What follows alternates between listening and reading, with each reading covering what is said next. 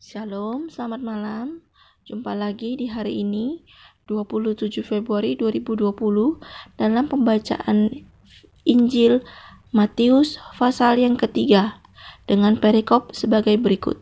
Yohanes Pembaptis Pada waktu itu tampillah Yohanes Pembaptis di padang gurun Yudea dan memberitakan, Bertobatlah, sebab kerajaan sorga sudah dekat.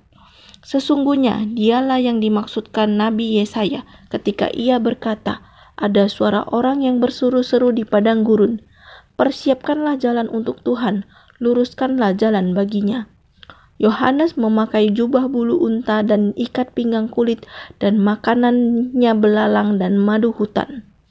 Maka datanglah kepadanya penduduk dari Yerusalem, dari seluruh Yudea dan dari seluruh daerah sekitar Yordan Lalu sambil mengaku dosanya, mereka dibaptis oleh Yohanes di sungai Yordan.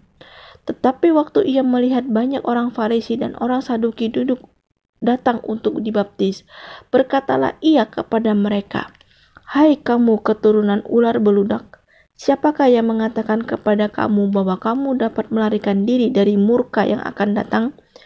Jadi, hasilkanlah buah yang sesuai dengan pertobatan. Dan janganlah mengira bahwa kamu dapat berkata dalam hatimu, Abraham adalah bapa kami, karena aku berkata kepadamu, Allah dapat menjadikan anak-anak bagi Abraham dari batu-batu ini.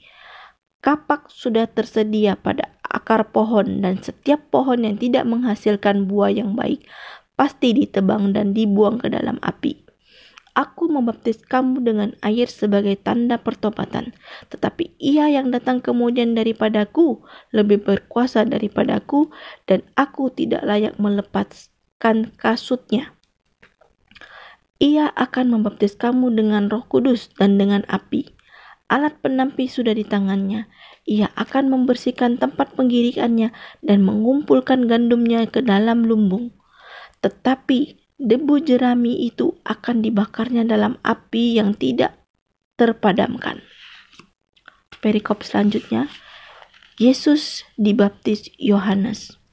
Maka datanglah Yesus dari Galilea ke Yordan kepada Yohanes untuk dibaptis olehnya.